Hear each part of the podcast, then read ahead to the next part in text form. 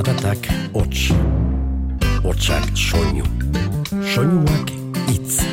Itza, Mintza, Giltza, bizitza, jola, sola, nola as, nola nas, ganoraz. Eta hitza jolas bihurtu zenean, komunikazioa atxekin iturri, dibertsio izaten hasi zen. Eta bersu bilakatu zen. Itza jolas.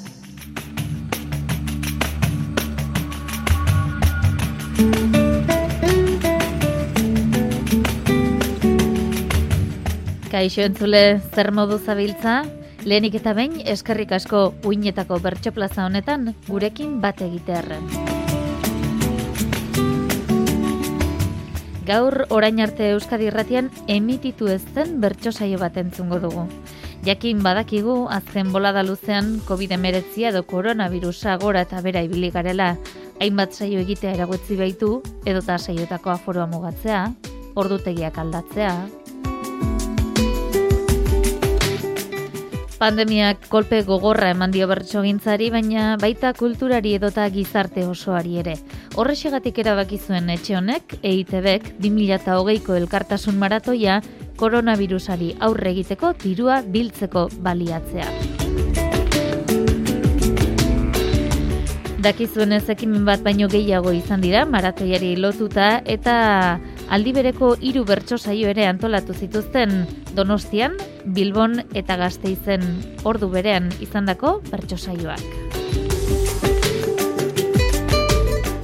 Guk gaur 2008ko abenduaren amairu hartan Donostian gauzatutakoari erreparatuko diogu Xavier Suki entzungo duzu gai jartzailean lanetan eta bersotan berriz Alaia Martin eta Aitor Mendiluze. Euren agurrekin utziko zaituztego.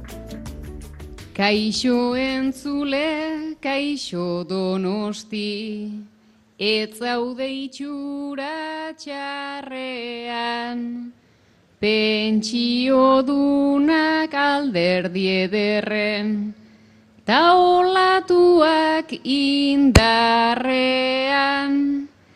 eta ertzean taberna batzuk, ta neurriak aparrean. Hemen gaudegu kantatu nahian sofan egun beharrean. Egungo gaiak pasiatzeko, itzaren bulebarrean. Aixo egunon hemen gaude, donostin donostietan, jende bizitza eta lotura ezberdin asko da bertan, elkartasuna bada helburu, elkartasuna benetan, Elkartasuna eman nahi dugu ta jaso nahi dugu bueltan. Elkartasuna zase gaitezen bere forma guztietan.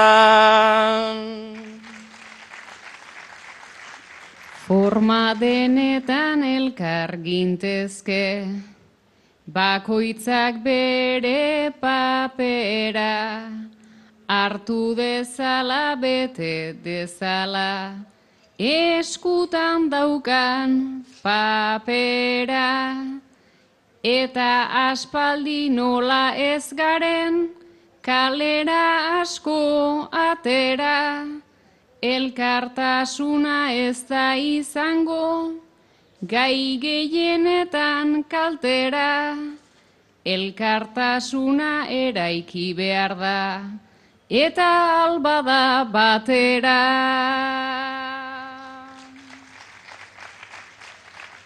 Elkartasunak ez du faltako, ez doinurik ta ez hitzik, baina gureak zer balio du, zuek hortxe egon ezik. Ez dakit zeren mezularitzat, argaitzak ezuek hasik, Ta ez gera mundu konpontzaileak titiriteroak baizik.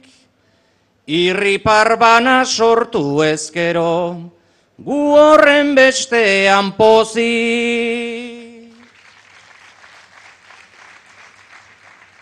Gu pozik egonez gero piztu, genezaken ez distira, asmo horrekin etorri gara, bulebarra donostira, azken boladan kezkat ardura geure bizitzan aski da, baina froga bat hartu behar dugu, jarri dugun distantzira, ze distantzia motza dagoen, bihotzetik belarrira.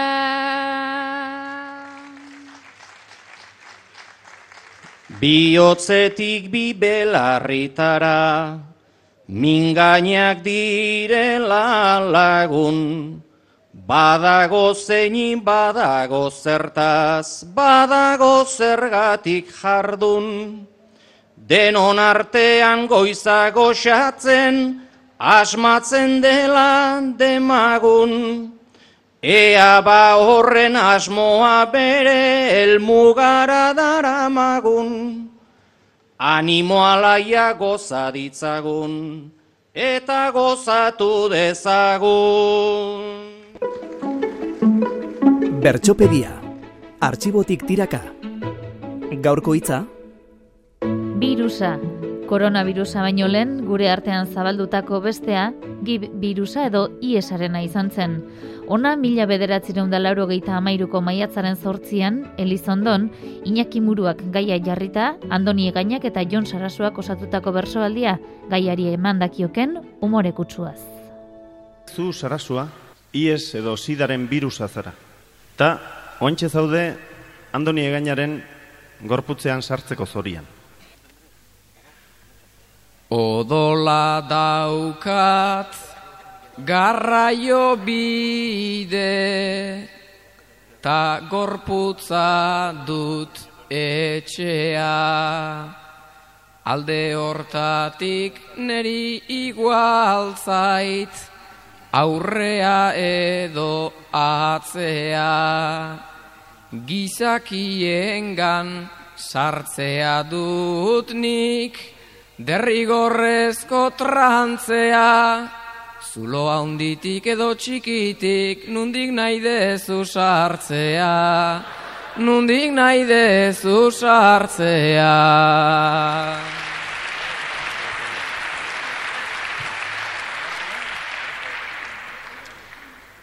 Haunditik edo txikitik berdin, zeure modura eratu, baina mesedez neri zarrerik, etzaidazu minberatu.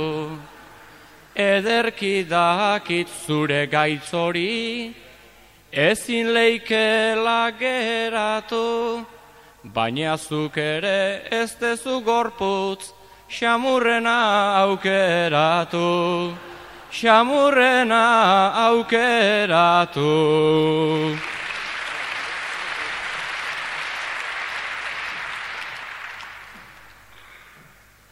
Gorputz gogorra izan da ere, badut nere zeregina, zaudela lasai sartzean behintzat, ez dizut egingo mina.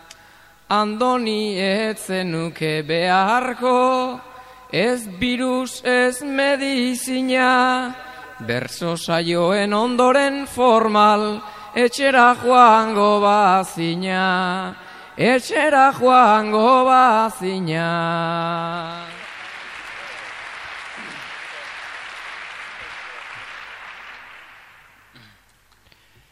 Benetan gogoz entzuna dizut, lenoko bertso alea.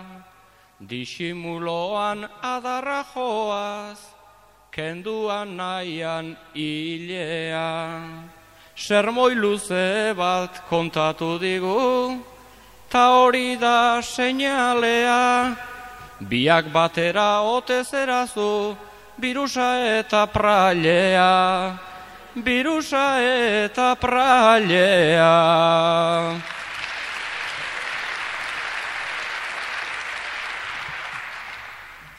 Virus prailea deitzen didate, ta ala nahi dut azaldu. Aizu andoni zure buruak, zentzurik izango aldu. Kutsatu ondoren orain arteko, oitura guztiak galdu. Naparro aldean ez dezazula, nere semerik zabaldu, nere semerik zabaldu.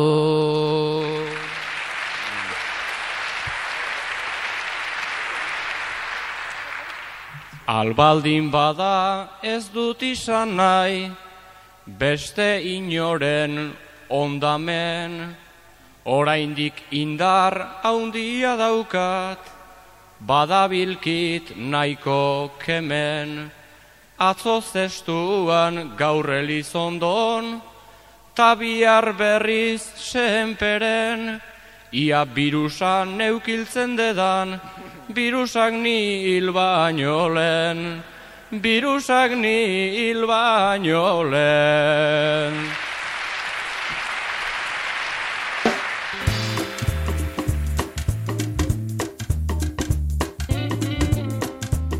Gibak ez du oraindik txertorik bai ordea COVID-19 edo koronavirusak, baina pentsazazu une batez, zuen esku dagoela txerto bat sortzea. Zeren aldekoa sortuko zenukete? Ea zer dioten aitor mendiluzek eta laia martinek. Txertoak beti asmatzen dira zerbaiti aurka egiteko, zerbaiti aurre egiteko. Demagun zuen eskutan dagoela zerbaiten alde egiteko txertoa asmatzea. Txerto hori jarri eta jendea zerbaiten alde jarriko litzateke. Zer gustatuko litzaizueke izatea hori? Zeren alde txertatu burua bueltaka, zer konpondu ez baita zoritxarrez falta. Ideia bat etorri bazait pixkanaka, agian izango da txerto bat aparta. Empatiaren alde sarri falta data.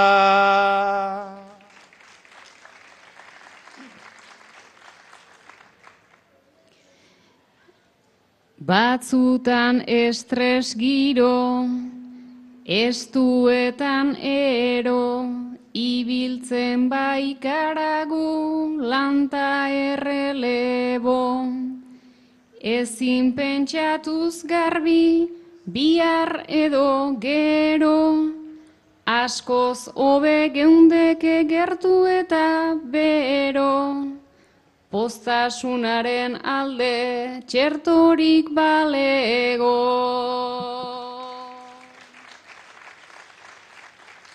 Ai txerto gintzan banintz, nahi bezin trebea, asmatzea litzake orduan legea. Kontzientzien aldeko txertoan fedea, naizta egingo lioken igual mesedea. Berriz gaixotu baietz bakoitzak berea.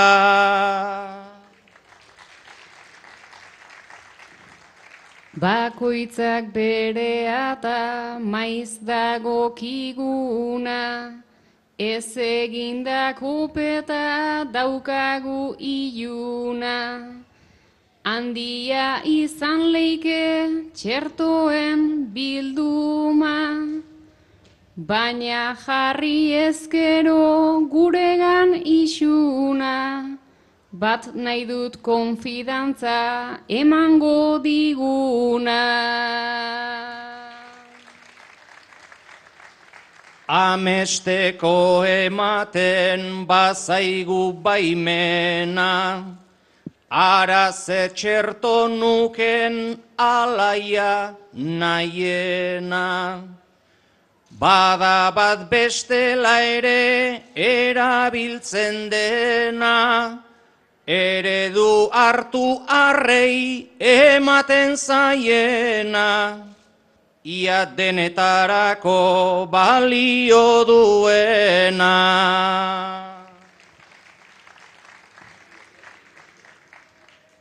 Denerako balio duena tarteko, ez da inoiz izango beson kalteko. Dena denez faltsuki jazten den soineko, baten parte nahi nuke aurpegi emateko, entzuteko gaitasun pixkat izateko. Gaitasunak badira txertoen oinarri, ideia horre gaizaitu nunbait erakarri. Beste konponbide bat nahi dezu ekarri, entzunta ikusi nahia falta badasarri. Txertori ezin da ipurdian jarri.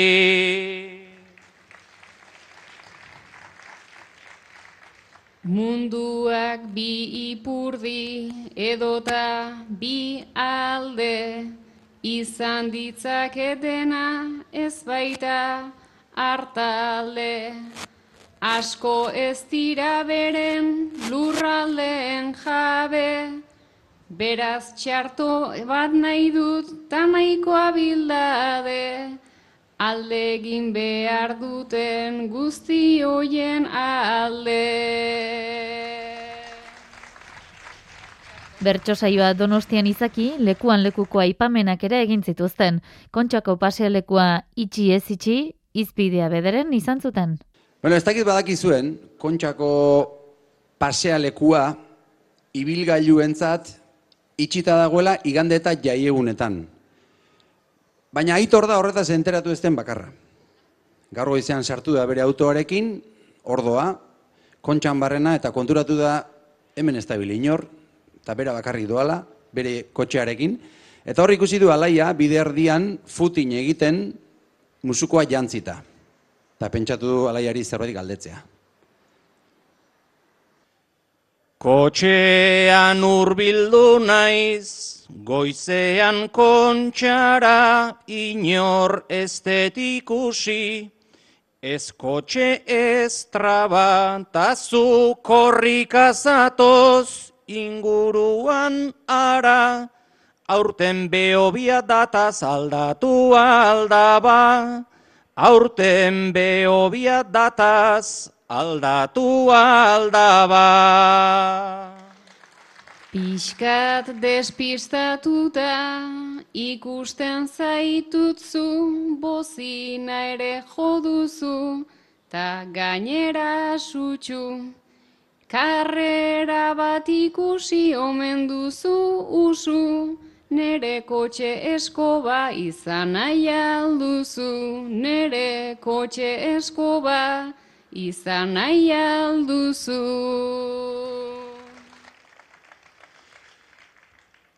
Banengoen ba inor ez dator emendik, zergatia aingarbi ez daukat oraindik.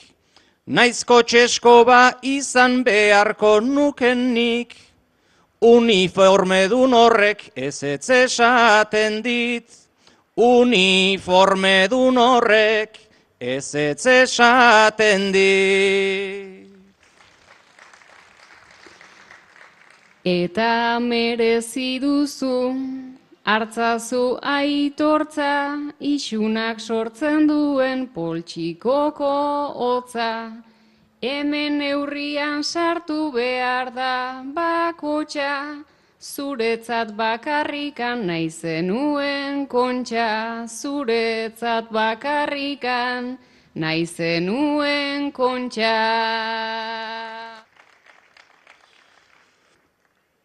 Babai behingoagatik elitzak etxarra eta pena da berez baztertu beharra. Baina zuzoa zela hortxetirritarra, zuretzat bakarrik da kontxako radarra. Zuretzat bakarrik da kontxako radarra. Radar horrek badauka nahikoa etekin ustiatu litzake kolpetik lau erpin disimuloan utzi hori argiekin ta korrika etorri zintezken irekin ta korrika etorri zintezken irekin. Ene konbidatzeko zenbat borondate baina naizela joango pentsa zenezake nikorrika asita neuretzako kalte eskandaloagatik jarriko didate. Eskandaloagatik jarriko didate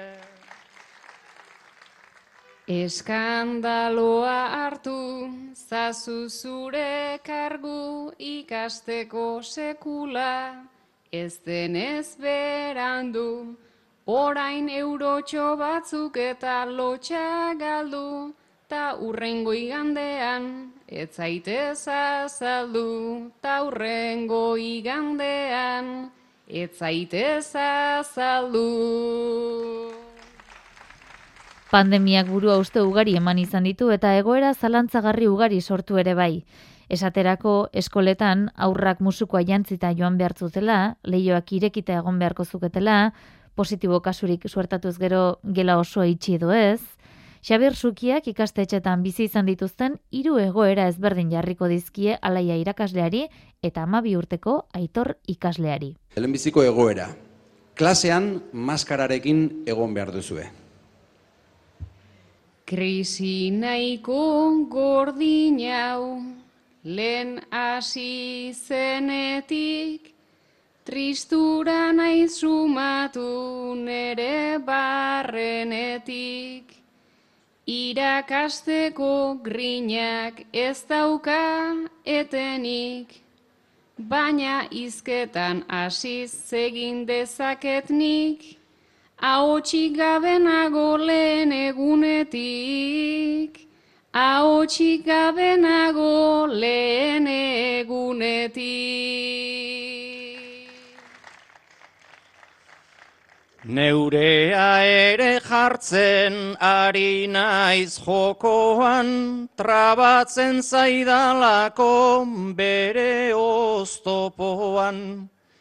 Arna sartzen asmatu behar det gaurkoan, jetxiko kotzera edo sartzen det kolkoan, alaiak arbelean idazterakoan, alaiak arbelean idazterakoan. Bai bigarren egoerarekin, errekreoan edo jolas orduetan eremuak zehatz mehatz markatuta dauzkazue jolastokian. Naiz neurriak beteta dauzkagun motiboz, patioa aldatu egin zaigu giroz. Aldatu da askariz janariz likidoz, Jala saiago nagoen abil bertigoz, kafea lasai lasai arnezake behingoz, kafea lasai lasai arnezake behingoz. Ere mutaragoaz mapari jarraikam, jolas tordua denik etzaidazu aipa. Baina bestere mura ere joaten baita, baloia salto txoka eta gu jarraika.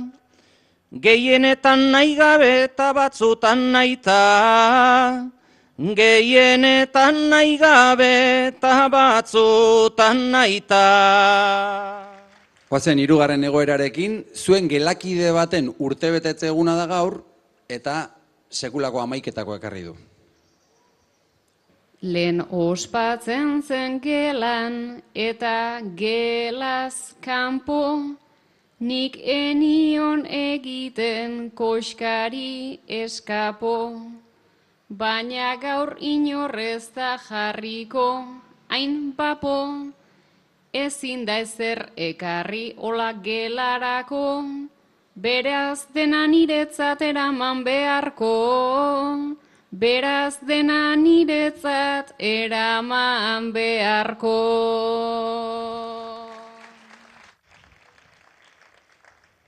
Andereño azkarregi ari zera kasik, Uztazu maiganean ez egin iesik, Ez da urte muga bat, puxka bat janezik, Ez omen da jan behar, bajango det pozik, Baina ez da nigatik beragatik baizik.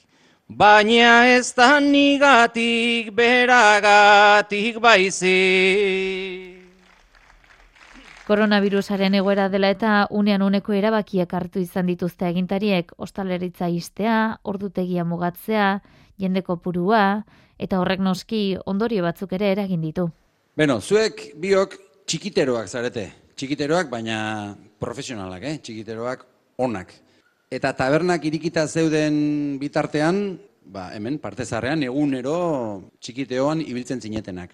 Orain, berriz ireki dituzten arte, bulebarreko aulkietan egon izan zarete eserita, zatoarekin. Ze ilusio arduaz, zatoa puzteko, menditako oitura bertan gorpuzteko. Orain gai gara lege txarrez biluzteko, baina penalatza dut zatoa usteko. Ni ere saiatu naiz duinera maten, beste aukerari kanez genuen aurten. Baina haze sustoa eragin didaten, ez zidaten utzi nahi kalean edaten. Eta non edan behar da kaletatik kanpo, soilik dago aukera gure etxerako. Gu exotiko geunden, exotiko xapo ta turistarik etzen argazkitarako. Baina gure buruak nahikoa aukeran, kanpotar gisa izera ibili primeran. Janari dendan ia nola egin dedan, bertan botilerosi eta bertan edan. Baina nik poltsikoa ez daukat aingizen, ze pentsio duinik ez da existitzen. Botilek zetik eta ze maia ze izen, eta zatoan behintzat etzen nabaritzen.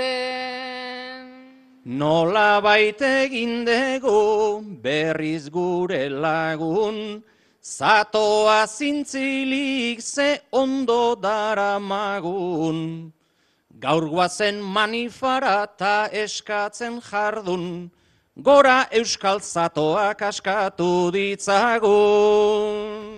Donostiako bulebarreko saioan bi bersolari izaki ofizioetan jardun zuten zatirik handiena, baina bakarkako jardunean ere entzun genituen. Izan ere, alaiak erabaki bat hartu zuen. Alaiak, aurtengo gabonak, mendiko borda batean, bakar bakarrik pasatzea erabaki du. Pagoaritz arte, ta gaztainondo, zeluxu zeskaparate, nik zer gehiago behar nezake, lau urma eta bi ate. Hemen munduak ez dit egingo, ta ez diot egingo kalte. Baina nahikoa gaizki hartu dute, data hauek dire alatarte. Borda batean nagoelako, borde esaten didate, borde esaten didate.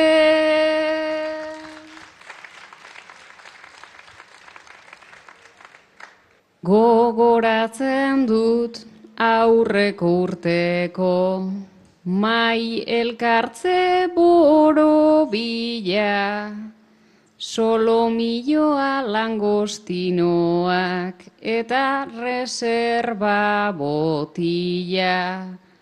Eta edo zein gaiaterata, sortu izen iskan bila, Nola botako dute ba faltan gure txeko neskatila. Zerbait egatik etorri banaiz lasaitasunaren bila. Lasaitasunaren bila.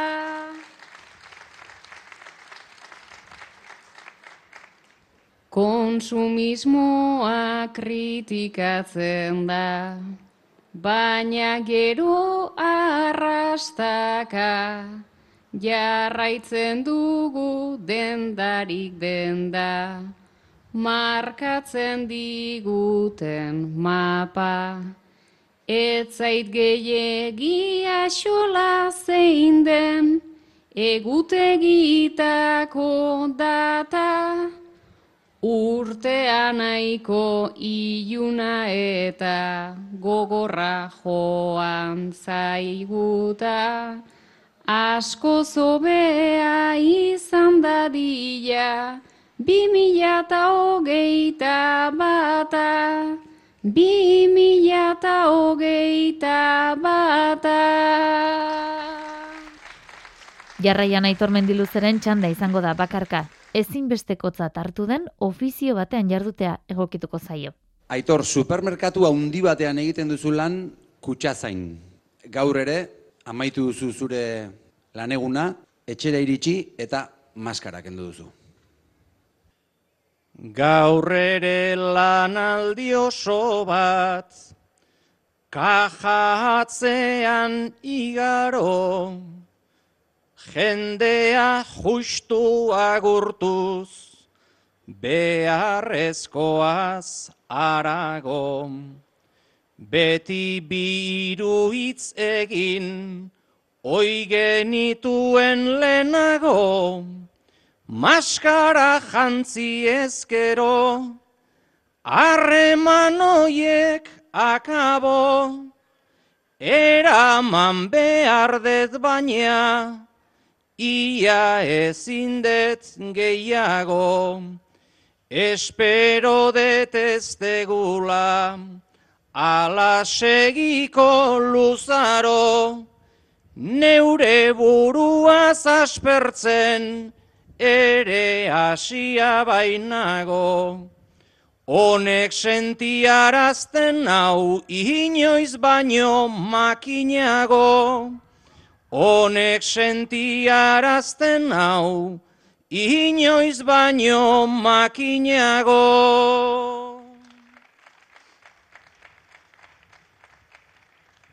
Ez dakit nolatan naizen, aguantatzeko kapaza, baina onartzen dizuet, ez dela gauza erraza.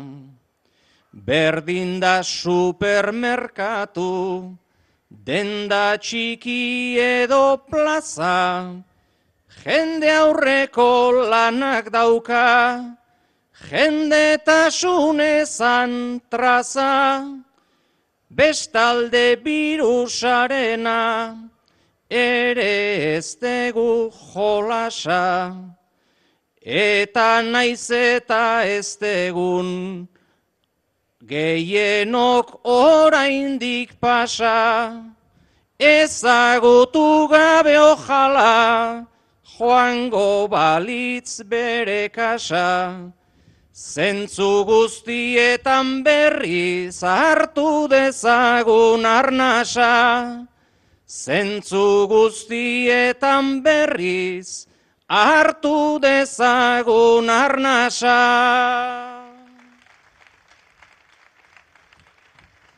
Barkatu nere kejau, ez da guztiz serioa, komila artean hartu, beraz bere balioa. Behingoz maskarari egin, diot nere adioa, Naiz bihar berriz jaztea, izan erremedioa, zuek bezela daukat, nik ez jazteko gogoa. Baina behin irten ezkero, nere aurpegian doa. Zuek zerate arrazoi eta zuek motiboa. Gutxinez ikasi dugu ardura kolektiboa. Gutxinez ikasi dugu ardura kolektiboa. Itzaiolas, Euskadi irratian. Egin dezagun bada tartetxo bat eta berreskura dezagun Donostiako bertsosai honetarako bide ireki zuen elkartasun maratoiaren kanta. Pandemiako lehen zalantzak Minak galderak izua Agian honek zentzatuko du Gure ibilera itxua guztiok soa luza dezagun. Oraingo mina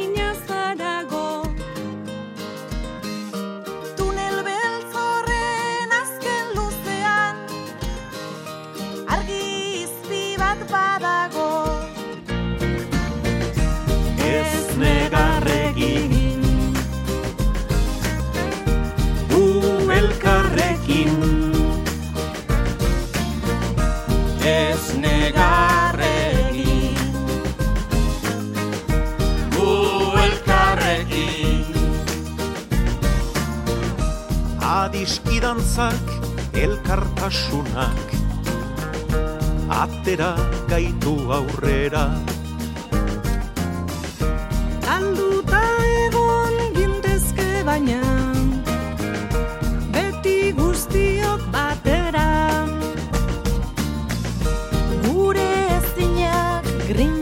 Eginak Bat ginen eta bat gara Ez du tasunak zinezkoago Bihurtzen du besarkada Ez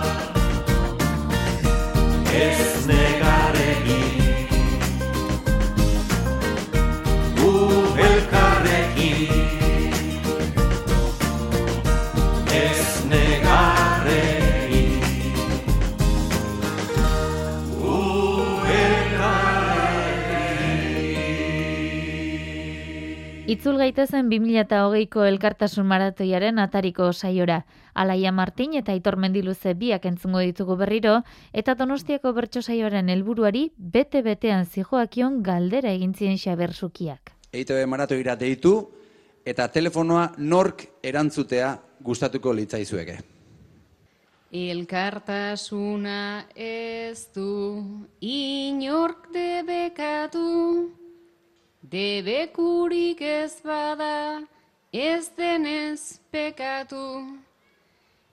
Ezagunenen eizan nuke trebatu, baina laua izetara oi dira edatu, hainbesteren artean nola aukeratu.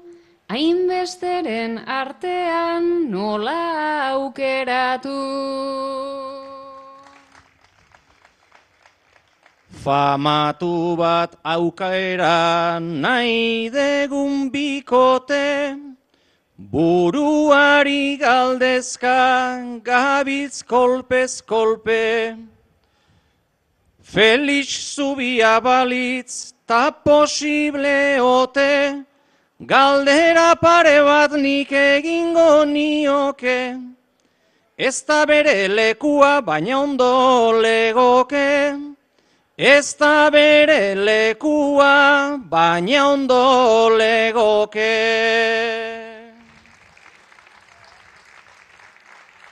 Eta zenbat aukera dei bakarran truke, Askok izango dute nahi beste bertute, batzuk kulturan bueltan horren beste urte, ta deitzeko aukera badaukagu guke, niko nintzak hartzea, bintzat nahiko nuke, niko nintzak hartzea, bintzat nahiko nuke.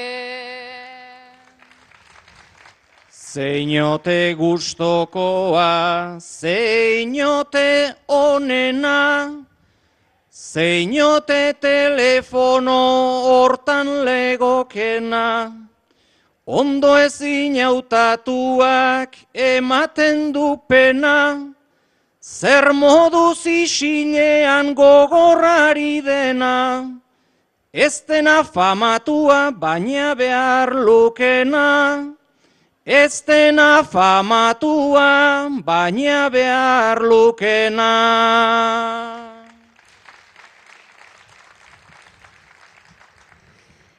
Oiek estalxieago daukate azala, ta ez digute egingo igual diosala. Osasun gintzan behintzat ez da lan makala, Berazuk bezala xedesio dut ala, osasun langileak ardiez adala, osasun langileak ardiez adala. Zenbat pertsona mota eta zenbat izen, hautatzen saiatzea guretzat aski zen, ta zer ama balego seme hau aditzen, bera bezela pozik sentituko nintzen, berriz ez esateko ez dudala deitzen, berriz ez esateko ez dudala deitzen. Pagadik umorean badauka kemena, edo aipanezakenik aitzi berrena, ta iaski serranok landu oidu dena, baina norkartzen duen oiztik da problema, hemen arrazoia da garrantzitsuena, Hemen arrazoia da garrantzitsuena. Kalean ibiltzeko ordutegiak izan ziren gixan, bizikidetza unitatea zaparteko inor etxera gonbidatzeko ezintasunak ere izan zirenez, ona Xabier Sukiak, Aitor Mendiluzeri eta Laia Martini eskainitako aukera. Hiru pertsona etorriko zaizkizu bisitan eta alaiak ordezkatuko ditu hiru pertsona horiek. Bai, beraz, pertsona bakoitzarekin bertso naia nola moldatzen zareten. Lehen bizikoa, gonbidatu duzun lehen pertsona aitor zure ama da. Alaia izango da, zure ama. Jarri dituzte pandemiara, mila arau, mila lege, eta zuregan ez dute izan, behar zuten beste botere. Zure biziko dama, ni bainaiz zure ama, zure sinesmenta fede, zure etxera azal naiteke gonbidatu gabe ere, zure etxera azal ninteke gonbidatu gabe ere. Atea beti dezu zabalik, ta ala manten dezadan. Beste aldera eman bai dizut, orain artean nahiko lan. Ta birusaren gatik izan dela badakit, gauza nola aldatu dan. Behingoagatik egingo dugu, nik prestatu eta zuk jan. Behingoagatik egingo dugu, nik prestatu eta zuk jan. Aitor, bigarren gonbidatua kuadrilako zure lagun bat. Naizta elkartzen ginen tabernetan sarri, aspaldizan naiz zure berrien egarri. Timbrea jo zapatak kendu zoragarri, eta jateko ez dut deusere ekarri. Eta jateko ez dut deusere ekarri. Beraz gaur ere zatoz betiko antzerako, antzemandan egoen hemen sartzerako. Konbidapena pozik neure etxerako, ezagutzen zintudan konbidatzerako. Ezagutzen zintudan konbidatzerako. Eta hirugarren gonbidatua, alaia zure maitalea izan da.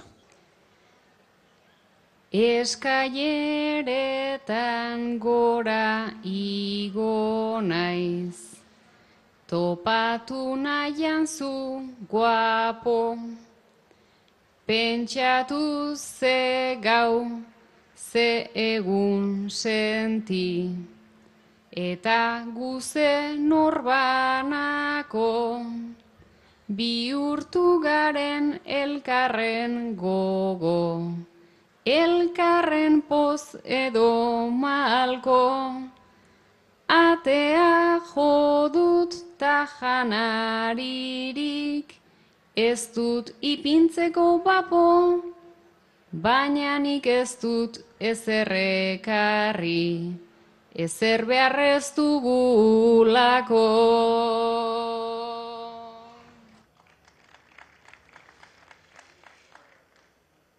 Mai inguruan izaten dira, Gabonetako ekintzak, behar baino gehiago jartzea dakar, oitura horren baldintzak, baina ez tezu ezerrekarri, eta ederki deritzat, Nik ere esan behar nizkizun, zuk esan dituzun hitzak, jateko ezer ez dago baina, elkar jango dugu beintza. Saioa amaitze alderazi joan, baina azken agurrerako EITBren elkartasun maratoiari zegokion doinuan egiteko ere eskatu zien ba. agurra egingo dugu azken aldi honetan EITB maratoiarekin nahi lotua dagoen kopla doinu horretan. Beraz, zuek bi kopla abestuko dituzue eta gonbiatuko zaituztegu zuek estribiloa kantatzera. Ez negarregin gu elkarrekin estribilo ezagun hori, bai. Bereiek bi kopla eta zuek estribiloa. Bereiek bi kopla eta guk estribiloa.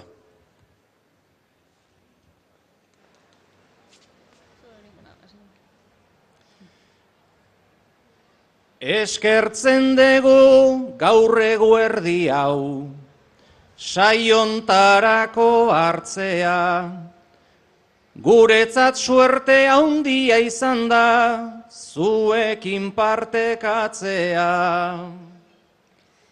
Eta kantatu edo isildu, nola badagon aldea, eskertzen dugu denok batera, hasi zana igandea. Jakin badakit ez ziren onak, botatako berso denak, baina oraitu esandakoak, eta esan ez direnak. Eta alere jarri zarete, guen zuten parez pare. Bila dezagun umore pixkat, tristurez aztu gabe. Ez negarregin, gu elkarrekin, ez negarregin, gu elkarrekin. Barkaidazue baina espero nuen zuen elkarlana, Lelo hori da lehen mila aldiz, ia kantatu dudana. Negarrak sarri askatu oidu, gure bi sorbalden karga, ta gero parre egitekotan, negar ere egin behar da. Beraz mil esker denon artean, osatu baitegu plaza, honen bestean bukatzen dugu, eta festak ondo pasa. Niri berdintzait zuen etxean, bordan mendietan barna, gozatu eta elkar zainduaz, hartza zue muixu bana. Ez negarregin, gu elkarrekin, ez negarregin, gu elkarrekin. Hau izan da gaurko saioa. Teknikalanean Mikel Fonsek aritu zaigu jaso bada bion partetik agurrik beroena eta hurrengora arte ondo izan eta zaindu.